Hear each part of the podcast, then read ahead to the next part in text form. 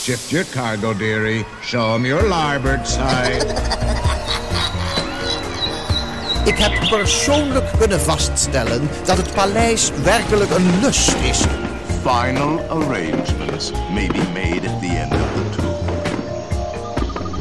Het is weer ochtend in Pretparkland. Goedemorgen pretparkland en welkom bij je ochtendelijke pretpark podcast. Mijn naam is Erwin en Jelle Verelst en ik doen vandaag een graai in de Instagram grabbelton.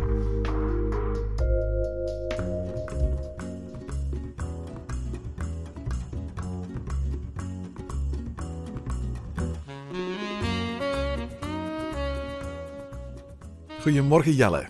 Goedemorgen Erwin. Zeg Jelle, eh, we hebben de afgelopen dagen weer eh, gevraagd aan onze volgers op Instagram of ze vragen hadden voor ons. En in deze tweede aflevering van onze Instagram Grabbelton gaan we weer een heleboel van die vragen kiezen en ze beantwoorden. Hè? Ja, de vorige keer zeiden we gaan ze allemaal kort beantwoorden, maar dat was toch, toch niet eh, even eenvoudig. Nee, eigenlijk zouden we de, de lange antwoorden moeten voorbehouden voor onze uh, reacties van luisteraarsafleveringen. En zouden we hier, uh, want ik geloof dat we bijna 100 vragen gekregen hebben of zoiets, zouden we dit eigenlijk veel korter moeten, moeten houden. Het gaat ons wellicht weer niet lukken, maar kom, we gaan het toch maar proberen. Hè? Ja, we zullen proberen en misschien kunnen we er meteen invliegen. Hè? Ja, we doen ze echt willekeurig. Um, we, voor alle duidelijkheid, we hebben ook niet vragen gekregen, gewoon complimentjes en zo. Die gaan we niet voorlezen, maar we hebben ze wel gelezen en we appreciëren het ten zeerste. En we gaan ook een aantal vragen gewoon niet behandelen, omdat we nu al weten dat die binnenkort in andere afleveringen te sprake gaan komen. En die laten we daarom uh, vandaag weg. Laten we eens beginnen met een, uh, een meningvraag, Erwin. Ja, zeg eens. De Team Park Company vraagt: Wat is jouw mooiste pretparkherinnering? Weet je, tof van deze hobby is dat je uh, herinnering na herinnering um, doormaakt natuurlijk. En sommige van die herinneringen zijn natuurlijk heel persoonlijk. Hè. Herinnering aan bijvoorbeeld een, een, een, een, bezoek aan een pretpark met, met grootouders die er ondertussen niet meer zijn, bij wijze van spreken. Um, maar misschien moet ik me eventjes beperken tot, tot, tot Ochtend in Pretparkland. Want ook Ochtend in Pretparkland heeft ons um, het mogelijk gemaakt om een aantal heel bijzondere dingen te, te doen. We worden regelmatig uitgenodigd op persconferenties en openingen en dat soort dingen meer. En heel af en toe gebeurt het dat zo'n persopening plaatsvindt voor of na openingstijd van een park. En tot op vandaag, want ik werk niet in pretparkland, ik heb ook nooit voor een pretpark gewerkt, heb je op die manier de kans om in je eentje door een verlaten pretpark te wandelen. En er is voor, voor iemand die eigenlijk pretpark alleen maar bezoekt op het moment dat er heel veel mensen zijn, weinig zo bijzonder als, een, als door een verlaten pretpark wandelen. Door een gesloten Bobbejaanland, door een gesloten Efteling, door een gesloten Fantasieland, door een gesloten Europapark zelfs. En, en ondanks dat ik daar, daar ook over na te denken van, um, zijn er zo van die bekende parken uh, bij ons waar ik, waar ik nog niet ben doorheen gewandeld, als onderdeeltje van iets dat we voor Ochtend in Pretparkland hebben gedaan. Terwijl het park volledig verlaten was, of terwijl het klaar was om open te gaan, of terwijl het net gesloten was. En, er zijn weinig, van, weinig, weinig, parken waar ik intussen niet ben geweest toen, het, toen, toen ze dicht waren. En, en tot op vandaag kan ik eigenlijk bijzonder genieten van dat exceptioneel magische moment om in plekken die ontworpen zijn voor grote drukte en heel veel mensen, eventjes de luxe mee te maken van er zo goed als volledig alleen te zijn. Dus inderdaad, ik heb ook zo al een aantal momenten meegemaakt. En um, over vorig jaar nog in Bobbejaanland, um, of eigenlijk altijd in Bobbejaanland, um, hun openingen zijn altijd s'avonds. En dan s'avonds terugkeert van de plek van de opening naar de ingang. En je kan daar helemaal alleen door dat park lopen. En dat vind ik toch altijd een beetje een magisch moment om, om, om zo door een park te lopen. En in Bobbejaanland is nog veel bijzonderder ook, omdat het, de rest van het park is, is niet verlicht. Hè. Dus je baant je op dat moment letterlijk van de plek van waar bijvoorbeeld de opening is. Dat was vorig jaar bij, bij Legend of Legends bij, vlakbij Fury, terug naar de ingang. Maar één keer dat je weggaat van, van, van, van de plek waar alles plaatsvindt, wandel je in een volledig donker Bobbejaanland rond. Hè? -hmm, vooral toen, na de opening van DIS was dat heel erg, want toen hadden ze eigenlijk speciaal autootjes voorzien om van de ingang tot aan DIS te rijden, tot aan waar het feestje eigenlijk was. Maar toen we teruggingen, zijn wij te voet gegaan en daar was dus ook geen verlichting toen. Um, ik kan me herinneren dat er bij de opening van uh, Fury vorig jaar wel een uh, ja, wat fakkels stonden en zo verder. Ja, absoluut. Maar ook, ook als er heel veel verlichting is, bijvoorbeeld, ik weet nog de wandeling die we maakten door Fantasieland na de opening van, van uh, en, en Taron. Um, daar was het net het omgekeerde. Fantasieland heeft heel veel vaste verlichting, maar het bijzondere moment door in zo'n volledig verlicht park zo'n beetje in je eentje te wandelen op die Main Street in Alt-Berlin, dat was geweldig. En als je zegt van die um, speciale dingen die we hebben mogen meemaken, dan herinner ik mij toch altijd nog mijn eerste bezoek aan Europa Park. Ehm, waarbij we eigenlijk werden uitgenodigd door Europa Park om daar naartoe te gaan. Wat toch echt wel een fantastisch bezoek was. En eh, waar ik eh, ja, toch wel heel veel heb meegemaakt. En, en het park op een fantastische manier heb mogen leren kennen. Dat was ook de eerste keer dat je in Europa Park was, hè? Ja, inderdaad. Hè. Dus mijn eerste keer Europa Park. En dan eh, op zo'n leuke manier, samen met Henk Groene dan, die ons rond heeft geleid door het, eh, door het park. En eh, waar we samen nog op het terras, ehm, op, het, op het Colosseum daar lekker in het zonnetje of, of ja, de ondergaande zon zaten. En nog een, een, een podcast hebben opgenomen daar ook. Hè. Ja, klopt. Heb, heb je los van wat ik net vertelde, alleen wandelen door een park of een persuitnodiging, zelf ook nog een mooiste pretparkherinnering? Ik heb het hier al eens verteld, denk ik, maar mijn mooiste herinnering, en toen ik de vraag las, was dat eigenlijk echt het, meteen het eerste waar ik ook aan dacht, was ehm, het vuurwerk van Magic Kingdom bekijken in Disney World. En dat van op ehm, de Polynesian Resorts. Ja, het strand daar. eh. Ja, ik zat er met een cocktail op het terras. Op het eh, terras van de cocktailbar daar. En daar speelt dan een muzikant. En die muzikant stopt vlak voor dat het vuurwerk gaat beginnen. De muziek speelt daar ook. En vanaf daar heb je zo'n mooi uitzicht over dat meer. Het is prachtig weer. Of het was nog altijd heel warm. Hè, want het is, eh, het, is, het is donker dan uiteraard. Maar het is nog altijd super warm. Dus daar op het terras. En echt te genieten van een lekkere cocktail. Ehm, een fantastische afsluiting eigenlijk van de dag Magic Kingdom. Ehm, die, die mij altijd gaat bijblijven hoe we daar met tweeën hebben gezeten. Dus het was echt een, eh, een toffe plek, een, een toffe afsluiting van die dag eigenlijk. Arno Verhaal gevraagd, zijn er nog Belgische parken die zoals Plopsaland een hotel kunnen gebruiken? Want we weten dat Plopsaland op dit moment bezig is met bouwen van een hotel. We zijn er vorig jaar nog geweest voor Ochtend in Pretparkland. We hebben daar toen een rondleiding gekregen.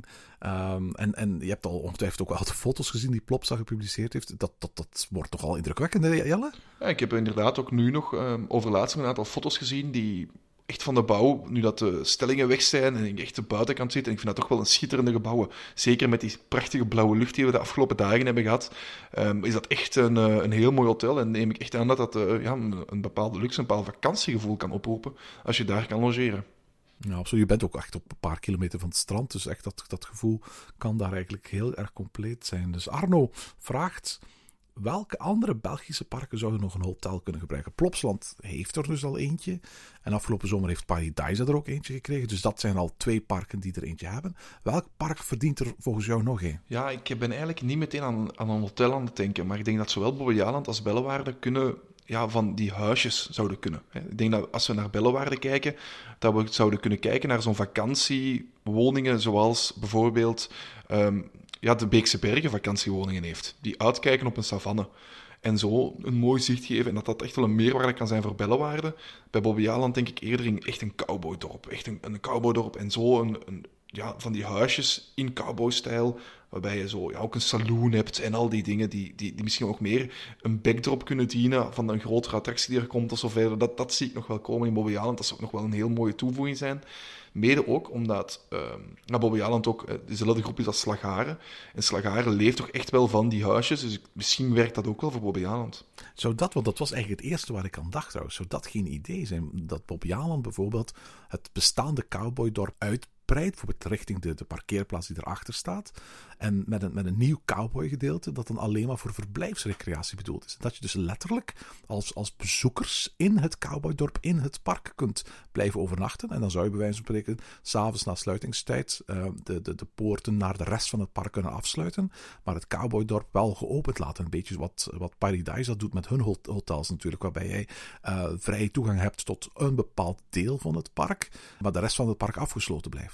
En je op die manier wel het gevoel krijgt van in het park zelf te blijven overnachten. Ik zou dat echt een schitterend idee vinden voor Bobbejaanland. En volgens mij past dat daar ook. En ik, ik, ik, zeg nu huisjes, maar wat volgens mij daar ook zou kunnen passen, is dat enorm grote cowboy-thema hotel dat in PortAventura staat.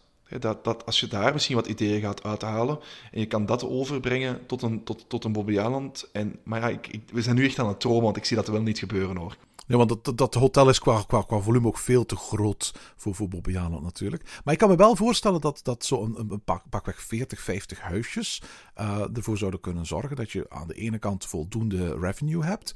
En als je dat een beetje goed in de markt zet uh, naar een bepaald doelpubliek dat bereid is om ook, ook behoorlijk wat te betalen voor die ervaring, dat ook een, een behoorlijke cashflow voor Bobbejaanland zou kunnen uh, veroorzaken. Ja, dat zou inderdaad kunnen, want Bobbejaanland heeft wel ja, ook die camping die er vlak over staat. In de buurt zijn verschillende campings, dus we weten ook wel dat er mensen zijn die daar naar op reis willen of die daar toch een camping hebben in de buurt, een campingplaats hebben in de buurt.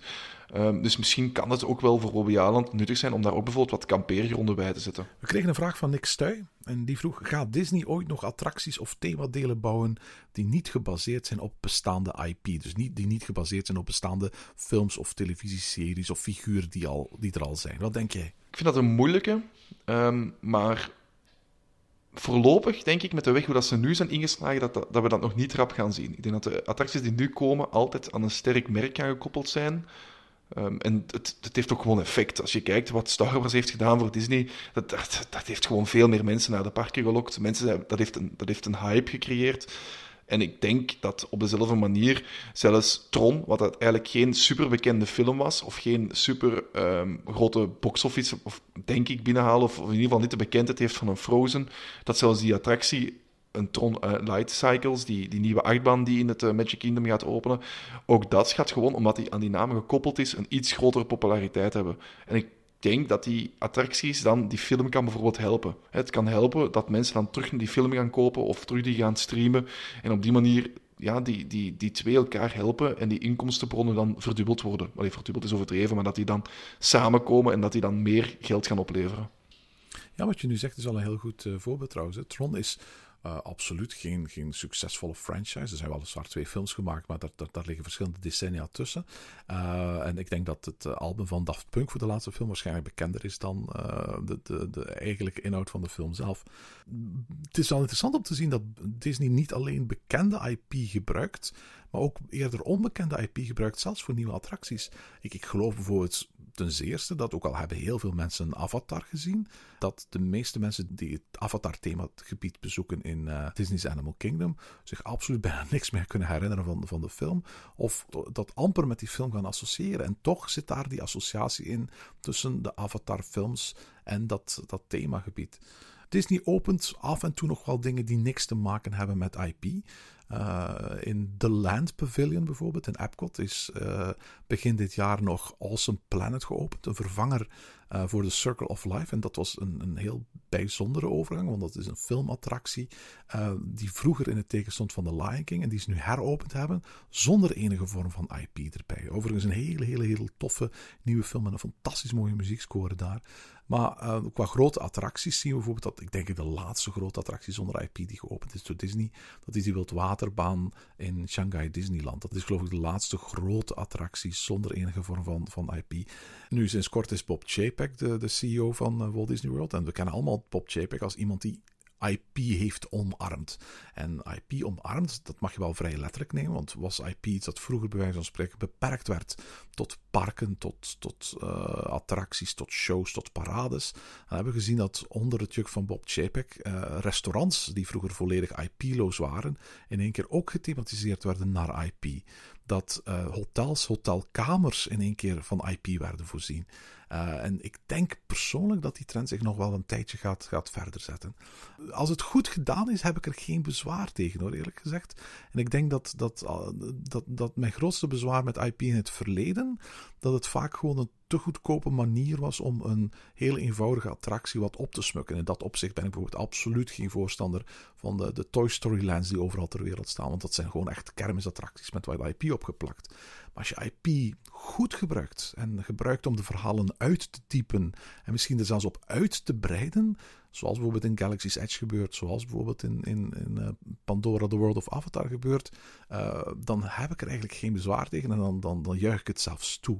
Dus met andere woorden, gebruik het op de meest platte manier, namelijk poppetje voor de deur, naamsveranderingetje. Nee, dat is afkeurenswaardig, maar Disney heeft de afgelopen jaren toch wel laten zien dat ze het beter kunnen. En in dat opzicht zie ik die toekomst van IP-gerelateerde attracties helemaal niet zo somber meer in.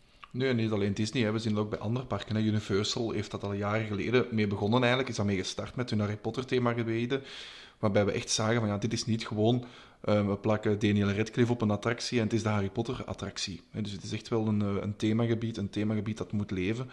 En ik denk dat dat een nieuwe manier is van hoe we met IP omgaan. En ik denk dat dat een hele goede manier is om met, met IP om te gaan. Zoals je zelf zegt, het mag niet zijn zoals we ooit in Bobbejaanland het, uh, het, het kinderland hebben zien omvormen naar een of andere IP van een of andere kinderserie, waar gewoon een sticker werd geplakt op dat tekst. Ukiland was dat inderdaad. Ja. Ukiland, Ukiland. Ja, dus, dus dat, dan heb je natuurlijk geen uh, geldig of, of geen goede manier van IP toegevoegd.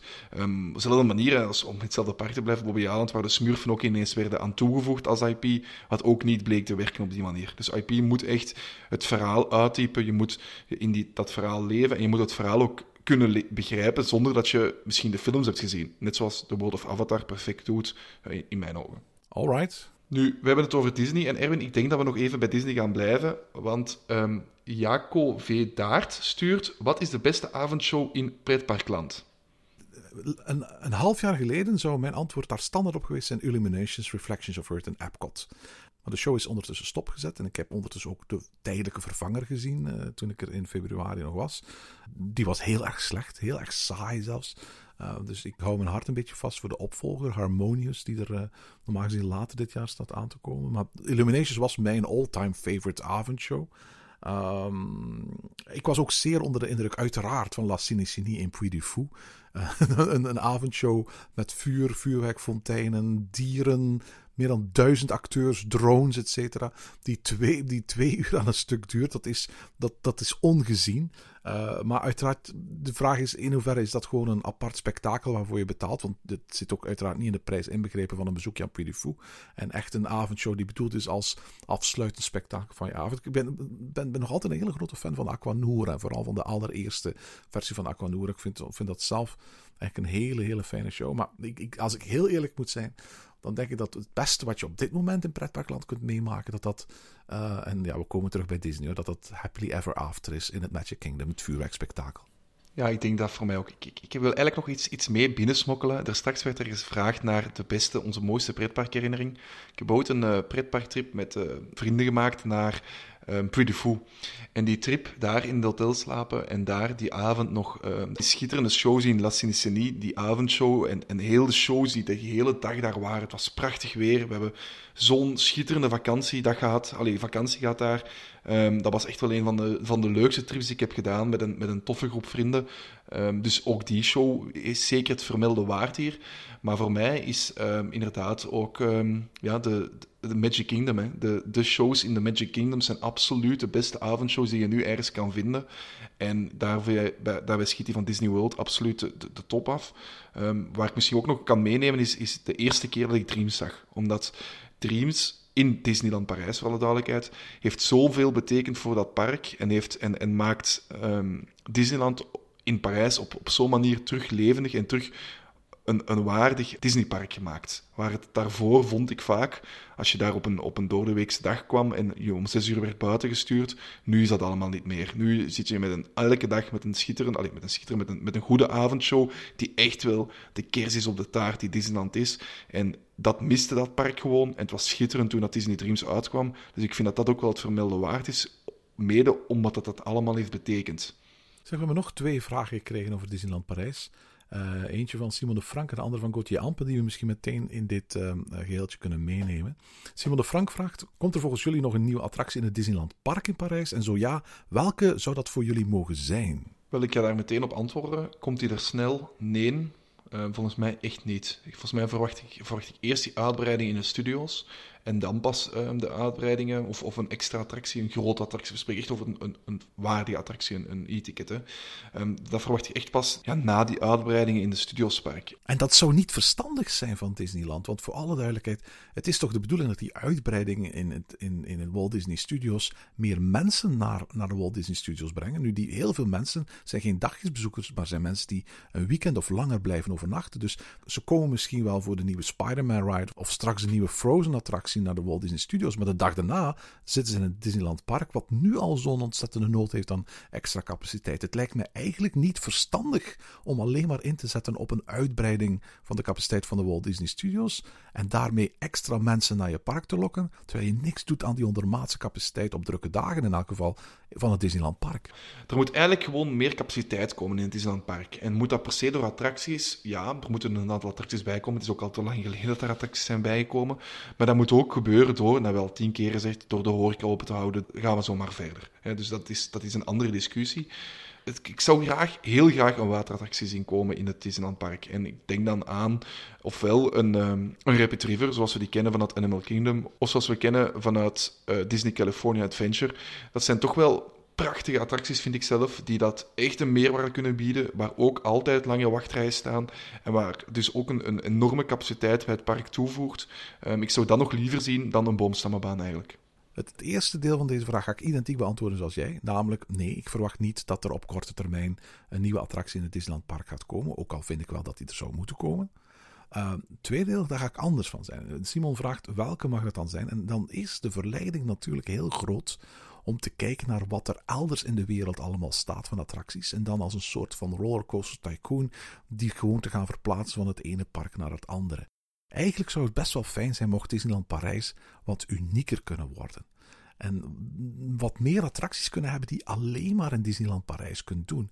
Je kunt van zo'n beetje elk Disney Resort wel een aantal unieke attracties opnoemen waarom je precies naar daar zou willen gaan, omdat je het alleen maar daar kunt doen. Van de zonderlijke paars in Shanghai tot, tot de Mystic Manor in Hongkong. Van de Pandora-attracties in Walt Disney World tot Carsland in, in Disney California Adventure in Anaheim. Tot een heleboel attracties in Tokyo Disneyland en Tokyo Disney Sea. Maar eigenlijk ontbreken dat soort attracties in Parijs bijna volledig. Bijna alles dat je in Disneyland Parijs vindt, vind je ook ergens anders ter wereld. En zo'n beetje de enige attractie die echt uniek was, Ratatouille, opent verdorie straks over een paar maanden in Epcot.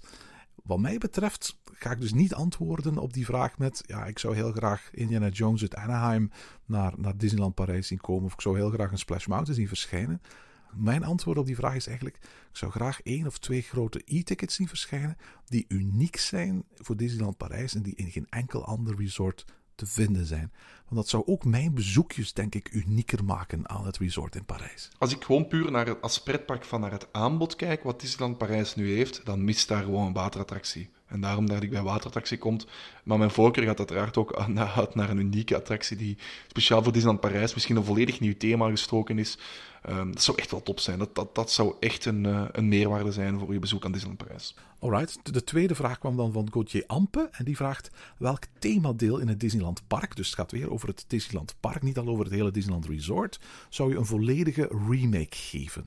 Laten we ze allemaal één voor één bespreken. Alright. Als je binnenkomt, kom je binnen in uh, Main Street USA. Absoluut laten zoals het is. mooiste Main Street van heel de wereld. Dat wil ik ook net zeggen. Die heeft geen remake nodig. Nee, absoluut niet. We gaan we dan... Frontierland? Frontierland ook geen remake nodig. Nee, absoluut niet. Het is, het is een, met die prachtige Big Thunder Mountain, met dat geweldige Phantom Manor op de achtergrond. Uh, nee, nee, nee, absoluut niet. Het, het, het, stukje achter de, de, de barbecue cookout mag wel eens wat aangepakt worden, maar uh, grotendeels laat het maar zoals het is of breidt het uit. Ja, dat wou ik net zeggen. Achter barbecue cookout mist eigenlijk nog een e-ticket. Ja. Dus daar mist eigenlijk gewoon een grote attractie. En, en die moet daar nog bij komen. En dan zou dat, zou dat themagebied volledig af zijn. En dan meen, dan meen ik ook van ja, als er een e-ticket bij komt, dan moet dat natuurlijk ook gethematiseerd worden en wordt dat gebied beter aangepakt. En dan heb je daar een volledig afgewerkt gebied. Maar hoe jij nu die, uh, dat gebied binnenkomt met, zoals je zegt, de Big Thunder Mountain, die schitterende viewlines, die op, aan, de, aan je linkerkant, dat, op, op de berg, die, die Thunder Mesa die daar staat. Nee, echt uh, laten zoals het is. Adventureland? Ook, in mijn ogen, een uitbreiding nodig, maar geen remake. Ja, uh, exact. Wat mij betreft mogen bijvoorbeeld die uh, tapis voulants, de, flying carpets uit de Walt Disney Studios, ergens een plekje krijgen. Bijvoorbeeld bij het Café de la Brousse of zoiets aan het water in Adventureland daar. Het zou ook tof zijn mocht daar ergens een, een, extra attractie bij komen. Zeker in de buurt van Indiana Jones is daar nog veel plaats. Misschien zelfs in de plaats van Indiana Jones. maar het is, het is een prachtig themagebied. Laten zoals het is. En er mag ook nog een, een extra uitgiftepunt komen. Hè? Uh, voor horeca bedoel je dan? Voor de Dole Whip. Wel, ze hebben natuurlijk wel hun, hun uh, pineapple floats. Het zijn geen echte Dole Whips natuurlijk. Hè? Nee, daar ben ik niet zo van. Man. Whip is beter. en voor mij komen we dan aan het themadeel dat echt wel een remake kan gebruiken. En dat is um, ja, Fantasyland. Meen je dat nu? Ja, ik vind, ik vind Fantasyland van alle themagebieden die Disneyland Parijs heeft, is dat eigenlijk echt het, het, het, gebied dat mij het minste aanspreekt. Maar heeft dat te maken met uh, invulling? Of heeft dat te maken met vormgeving? Of heeft dat te maken met attractieaanbod? Volgens mij, ja, het heeft ook te maken met attractieaanbod, uiteraard. Maar het heeft ook te maken met de manier hoe dat het eruit ziet. Het, het spreekt minder tot de verbeelding als wanneer je wandelt, vind ik, door New Fantasyland in, uh, in Disney World. Oké, goed, maar dat is natuurlijk nu vergelijken natuurlijk wel een, een themagebied dat letterlijk gewoon vijf jaar geleden volledig vernieuwd is. Dus dat is misschien geen 100% eerlijke vergelijking. En da- daar hebben ze natuurlijk ook wel een aantal grote dingen bij geplaatst. En dat is misschien wel iets wat Fantasyland bij ons mist. Maar goed, we hebben eigenlijk denk ik nu van elk themagebied al gezegd dat het een aantal grote dingen mist. Hè? Ja, ja. Maar ik denk, als, of, of, of zou jij zeggen, als je een themagebied moet aanpakken, of zou je gewoon zeggen, ik neem geen, geen van de themagebieden heeft een remake nodig? Oh ja, wel, jawel, wel, want we zijn nog niet klaar hè. Nee, dus nu komen we nog bij. Discoveryland. En dat zou ik absoluut een, een remake willen geven. Want Discoveryland is eigenlijk een, een gebied dat oorspronkelijk gethematiseerd werd als een soort van ode aan de toekomst zoals die in het verleden werd voorgesteld. En dat betekende dus dat die, die, die klinknagel designstijl van Jules Verne allemaal aanwezig was. En dat je letterlijk bij wijze van spreken een wereld van koper en staal en glas ging rondwandelen. En wat is er gebeurd de afgelopen ja, 25 jaar? Hebben we gezien hoe die Jules Verne-stijl steeds meer is afgenomen. Hè? Space Mountain is een Hyperspace Mountain attractie geworden. Uh, de Jules Verne-attractie bij uitstek, het Visionarium, is een, is, een, is een Buzz Lightyear-attractie geworden. En opnieuw, er is absoluut een plaats voor een Buzz Lightyear-attractie in een Disney-park. Uh, maar misschien zelfs nog meer in een Walt Disney Studios-park. En dan misschien nog als grootste vloek in de kerk Mickey's Magic, een attractie die ontworpen is voor Fantasyland, die hier gewoon in, in Discoveryland is geplaatst in het, in het 4D-theater achter Space Mountain. Als je weet hoe dit themagebied oorspronkelijk is vormgegeven als een soort van ode aan de toekomst door visionairen uit het verleden, waardoor het eigenlijk immuun was voor het verouderingseffect dat zo typisch is voor alle futuristische parkdelen die Disney in het verleden al heeft gebouwd, dan zou ik eigenlijk niks willen dat dit parkdeel eens opnieuw onder handen genomen wordt. En ergens moet iemand eens een groot nieuw masterplan ontwikkelen, waarbij we terug kunnen gaan naar die Jules Verne-stijl. Wat mij betreft hoeft Visionarium niet terug te komen. Ik snap dat het een film is van 20 jaar geleden. Maar het zou wel heel fijn zijn mocht bijvoorbeeld Space Mountain teruggebracht kunnen worden naar een geupgrade versie van de Dater à la Lune. En mochten ook andere onderdelen van dat themagebied helemaal in die setting worden teruggeplaatst. Wat mij betreft hoeft Autopia daar niet te blijven. Dat is een attractie die, die ontzettend veel ruimte inneemt in, in het park. En volgens mij kan je die ruimte veel beter benutten dan, dan uh, door wat autootjes te laten rijden. En wat mij betreft, ook al is die nog maar pas aangepakt, zou ik zelfs geneigd zijn om, om uh, bijvoorbeeld Star Tours, dus ofwel te verplaatsen naar de Walt Disney Studios of te herthematiseren naar een niet Star Wars attractie. Er komt sowieso een, een Star Wars themagebied in de Walt Disney Studios. Dus we hoeven dat niet per se op twee plaatsen te hebben. Uh, te herthematiseren naar bijvoorbeeld een, een heel ander thema, maar gebruik maken van dezelfde technologie. Uh, in Hongkong hebben ze dat naar Iron Man gedaan. Dat hoeft hier geen Marvel te zijn, maar de, de techniek laat heel veel dingen toe. Maar ik zou echt Discoveryland dus grondig onder handen willen nemen. En terug dat gevoel van de eerste pakweg 5 à 10 jaar van, van Disneyland Parijs, van het Discoveryland van Jules Verne daar terugbrengen. Misschien dat we daar de vraag hebben anders geïnterpreteerd, want ik geef je gelijk. Maar ik dacht de hele tijd van ja, Discoveryland, dat moet gewoon die Jules Verne-stijl blijven. Dat moet, dat moet dat houden. En daarom dat ik die remake daar... Als, als ik remake, dan zou ik denken van... We moeten van die Jules Verne-stijl, die oorspronkelijk was, af. Daarom heb ik... Dat dacht van ja, nee... De, Discoveryland, ik zei dat straks zo mogelijk, maar uiteraard Discoveryland, moet gewoon die Jules Verne-stijl behouden. Ik, ik wandel daar zo graag door, als s'avonds het donker is. En die herinneringen die ik daaraan heb van vroeger, van toen het echt nog veel meer Jules Verne was, um, die zijn zo schitterend. Maar die herinneringen die ik heb aan Fantasyland, en dat kan zijn omdat ik daar als klein jongen niet ben geweest, zijn veel minder sterk als herinneringen die ik heb gehad in New Fantasyland in, um, in Disney World. Dus ik, daarom zeg ik van ja, Fantasyland kan echt een upgrade, kan echt een, een, een herdenking bedenken, of moet echt op, opnieuw worden geremaked en opnieuw worden ingevuld van hoe willen we dat, er, dat het er nu uitziet, welke attracties moet, moet, die, moet dat parkdeel nu hebben. Veel harder dan dat Discoveryland dat nodig heeft, want daar moeten we eigenlijk gewoon back to the roots, om het zo te zeggen. Erwin Robin Meijnaert stuurt ons nog een vraag. Wat is jullie favoriete pretparkboek? Ik weet dat jij heel veel boeken leest over pretparken, dus wat is jouw favoriete boek? Ja, het is moeilijk om, om er uh, zomaar een favoriet uit te halen, maar ik denk wel dat ik van zo'n beetje elk park een favoriet heb. Maar laat ik van de gelegenheid gebruik maken om één boek in elk geval uh, aan te raden. En uh, dat boek heet The Amusement Park. 900 Years of Thrills and Spills and the Dreamers and Schemers Who Built Them.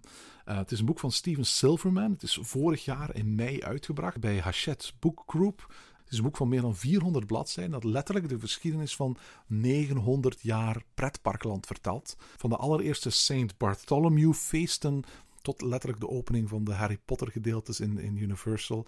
En de plannen die, die Disney voor Star Wars had. En ze waren het op dat moment nog niet open, want het, boek verscheen net voor de opening van uh, Galaxy's Edge in, uh, in uh, Californië. Maar het vertelt letterlijk 900 jaar aan geschiedenis. En het legt vooral de nadruk op de namen en de belangrijke personen die in die 900 jaar iets van betekenis waren.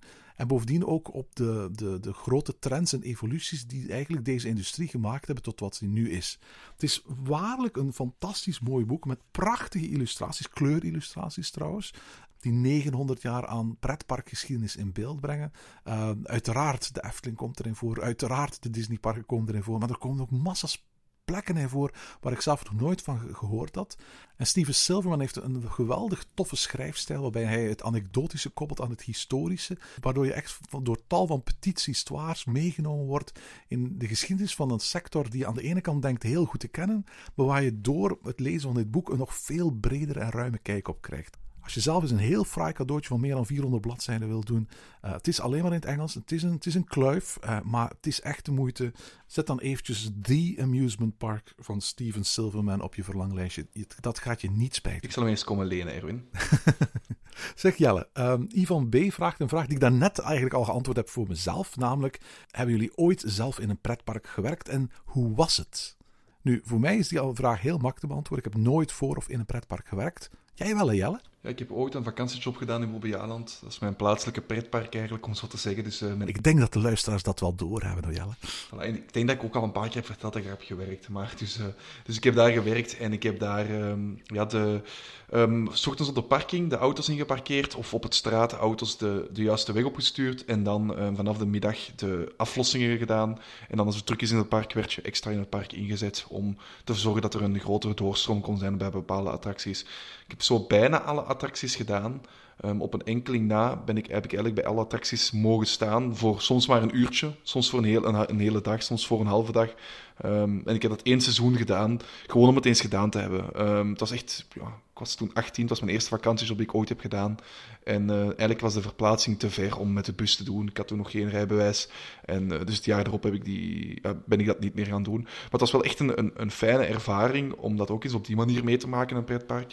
En ik heb op die manier toch ook ja, heel veel mensen leren kennen die, die, die als ik nu naar Bobbejaanland ga, mij nog altijd herkennen als die, die ene maand dat ik in, in Bobbejaanland heb gewerkt.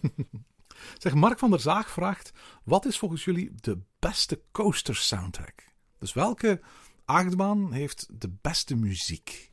Dat is een moeilijke vraag. Ik vind de meerwaarde die bijvoorbeeld bij een dwervelwind zit, um, die de muziek heeft, vind ik, vind ik heel goed. Die, die heeft echt een, een heel sterke meerwaarde aan die rit. Absoluut. Dus, dus die vind ik hier absoluut het, het vermelden waard.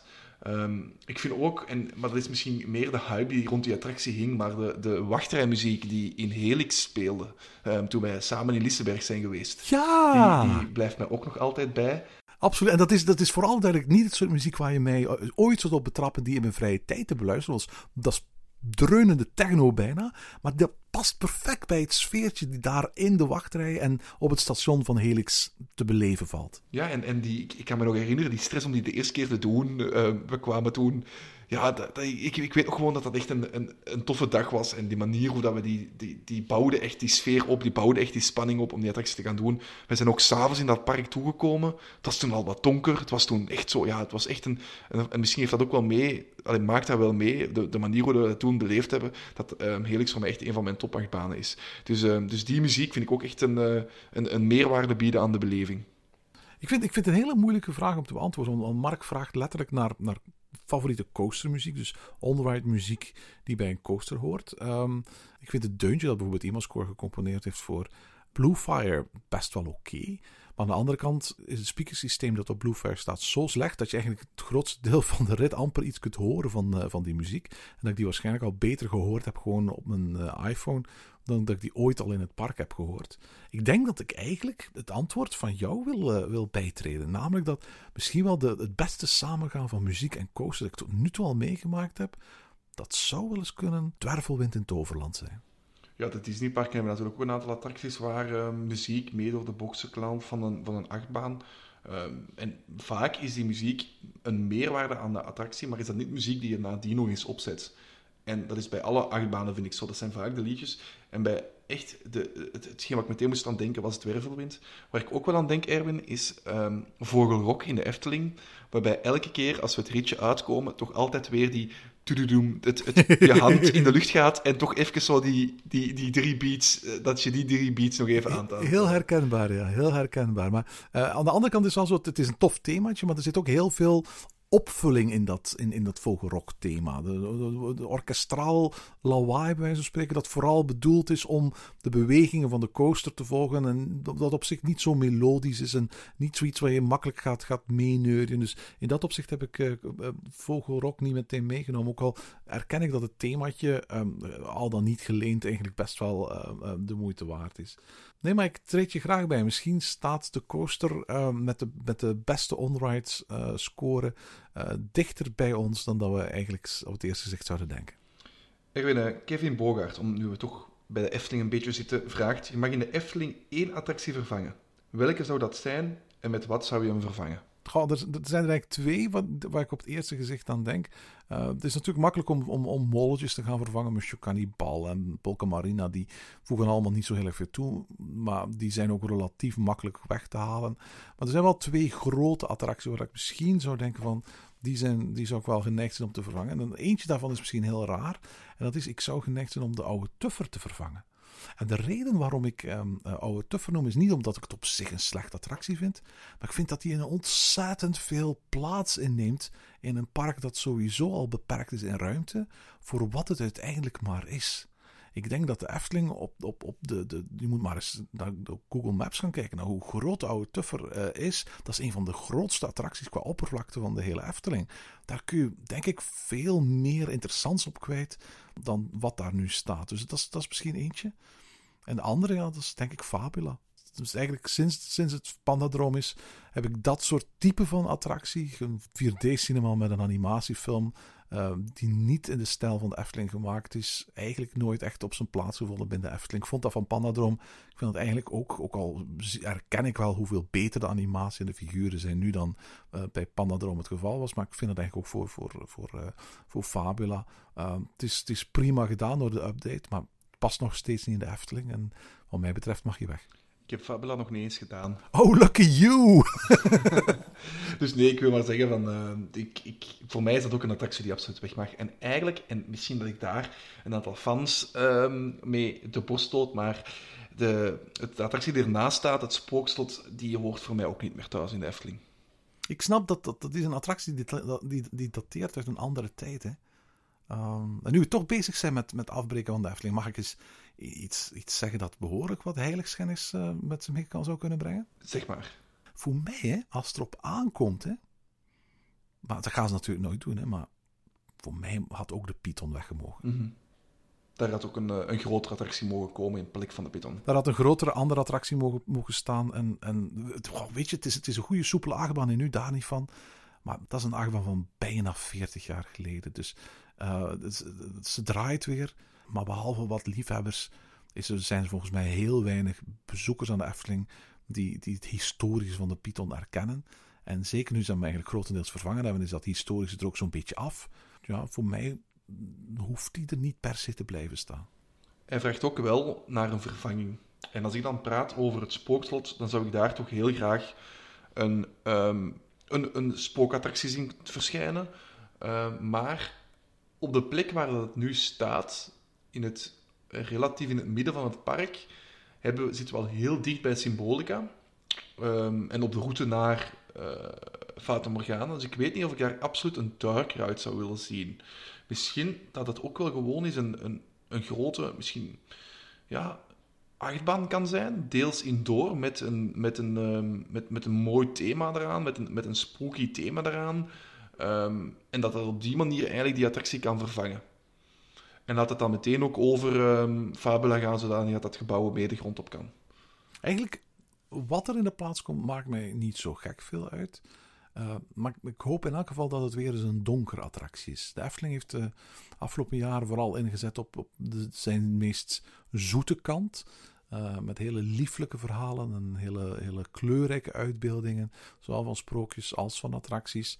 Ehm, ik denk dat het weer eens tijd is om een thematisch donkere attractie te bouwen. Dat mag een dark ride zijn, dat mag wat mij betreft een, een, een coaster zijn. Dat mag misschien zelfs bij voorkeur nog een waterattractie zijn. Want uh, ik vind eigenlijk dat, dat Efteling echt een park is dat een boomstam wildwaterbaan of daar een, een moderne versie van, denk maar aan Chiapas, best wel zou kunnen gebruiken.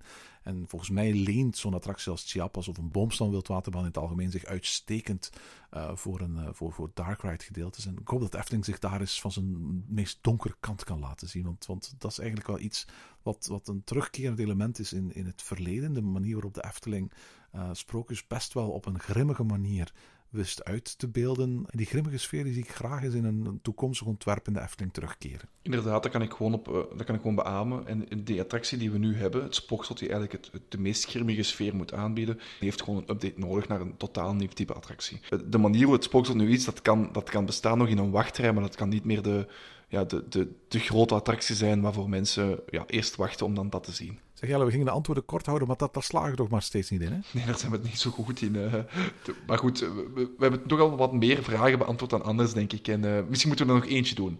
Nog eentje. We kregen er eentje binnen van Fictief Pretpark. En die vroeg ons: Bouwen jullie wel eens een eigen attractie of pretpark in spellen zoals Rollercoaster Tycoon, Planet Coaster of No Limits? Zeg, ik ga meteen bij zeggen: ik doe dat niet. Ik heb het nooit gedaan. Ik heb ooit nog wel SimCity gespeeld, maar ik heb me nooit bezig gehouden met, met Rollercoaster Tycoon of, of dat soort varianten. Jij, jij houdt daar wel van, Jelle? Ja, ik heb dat vroeger wel gedaan. Ik ben uh, natuurlijk uh, ook opgegroeid met Rollercoaster Tycoon. Hè. Dat, was echt uh, in mijn jeugd aan het boomen. Dus ik heb echt uren versleten. Eerst naar Rollercoaster Tycoon 1, dan naar Rollercoaster Tycoon 2. Uiteindelijk zelfs Rollercoaster Tycoon 3 gekocht. Toen ik dan echt meer in de pretpark community kwam, zag ik de parken die sommige mensen bouwden met Rollercoaster Tycoon 2. En ik heb dat vroeger ook wel gedaan. Zo echt een, uh, proberen om, om een mooi realistisch park te bouwen, waarbij je echt werkt met die thematisering. Dus niet gewoon achtbaan neerplopt, klaar, maar ook probeert ervoor te zorgen dat die achtbaan ja, klopt met, met het type dat die achtbaan is, dat die, dat die ook in het echt zou kunnen staan. Dus dat hebben we vroeger nog wel gedaan. Um, daar ben ik een tijdje mee gestopt. En dan heb ik dat af en toe nog wel eens teruggeprobeerd, maar ik was nooit genoeg tevreden over, over wat ik kon doen in die Rollercoaster Tycoon 2 toen enkele jaren geleden uh, Planet Coaster uitkwam, heb ik dat wel gekocht. Heb ik dat ook een aantal keren gespeeld. Maar daar vond ik echt wel de moeilijkheid van, ja, daar zit je echt heel lang te werken aan, aan, aan één stukje thema. Omdat je echt laag op laag op laag op laag kan bouwen. Um, en daar had ik op dat ogenblik de tijd niet voor. Ik had nu overlaatst uh, wel Planet Zoo gekocht. En daar heb ik toch wel een, een beetje tijd in gestoken om, om toch wel een paar schitterende zoen te maken. Um, waar ik best trots op ben. Uh, mooi Chinees thema. Het, het, idee van het paradijs waarbij je zo wandelt door een Chinese tuin met een, met een dakje erop. Dat, dat idee heb ik eigenlijk nagemaakt in mijn park. En ik ben best tevreden over wat ik, uh, wat, wat ik daarvan uit heb, heb, heb, gemaakt. En ja, ik, heb, ik heb me daar weer een aantal uur op geamuseerd. Of een aantal dagen mee geamuseerd. En nu ben ik het weer even beu. Dus heb ik hem weer even dichtgeklapt. En speel ik weer andere spelletjes op de computer. Als ik heb. Ik heb ze nooit gespeeld, uh, de, de, Planet Coasters en Planet Zoos. Maar ik heb wel de drie soundtracks die ervan uitgekomen zijn. Want ik ben een hele grote filmmuziekliefhebber. En er zijn drie albums van, van J.J. Ibsen en Jim Guthrie uitgekomen. Voor de muziek van zowel Planet Zoo als, als, als Planet Coaster. You, Me and Gravity, You, Me and Other Animals. En dan het ambient album Weightless. Ik geef eerlijk toe, dat zijn eigenlijk voor mij ook wel uh, heerlijke achtergrondmuziek soundtracks om naar te luisteren. Die zijn heel goed, hè? Ja, hè? absoluut. Voornamelijk, allee, alle twee heb ik echt al gebruikt om te werken. Ja, hè? Omdat die je echt aanzetten om op een bepaalde manier um, um, te beginnen nadenken, te beginnen creatief nadenken zelfs. En, en ik vind dat zo'n leuke dingen. En soms denk ik ook echt van, ja, ik moet nu even concentreren. En dat is vaak de muziek waar ik naar grijp om, om geconcentreerd te blijven en om te kunnen werken. Dus het is, ik vind de, de muziek die in Planet Zoo en Planet Coaster zit, en voornamelijk die van Planet Zoo eigenlijk echt, schitterend. En die, die staat hier ook wel vaak op tijdens het werk. Kijk, een soundtrack tip om onze tweede uh, Instagram Grabbelton aflevering mee af te ronden. Zeg, luisteraars, heel veel dank voor de vele, vele vragen. En duizendmaal excuses voor de vele tientallen vragen waar we niet aan toegekomen zijn. Ik stel voor, Jelle, dat we niet nog eens een ronde, ronde gaan doen waarbij we gaan vragen aan luisteraars om nieuwe vragen in te sturen. Maar dat we gewoon binnenkort nog eens een derde aflevering gaan opnemen. Gebruik maak het gewoon van vragen die we deze keer niet beantwoord hebben. Hè. En je mag natuurlijk ook altijd nog een uh, vraag insturen als die langer is naar ochtend.pretparkland.be. We lezen alles en we beantwoorden ze in een volgende aflevering. En tot zover deze aflevering van Ochtend in Pretparkland. Heb je vragen of opmerkingen? Mail ons dan via ochtend.pretparkland.be. Meer informatie over onze podcast vind je terug op www.pretparkland.be en nieuwe afleveringen download je via onze website of via iTunes. Ochtend in Pretparkland is de pretparkpodcast voor vroege vogels. Bedankt voor het luisteren en maak er een fijne dag van.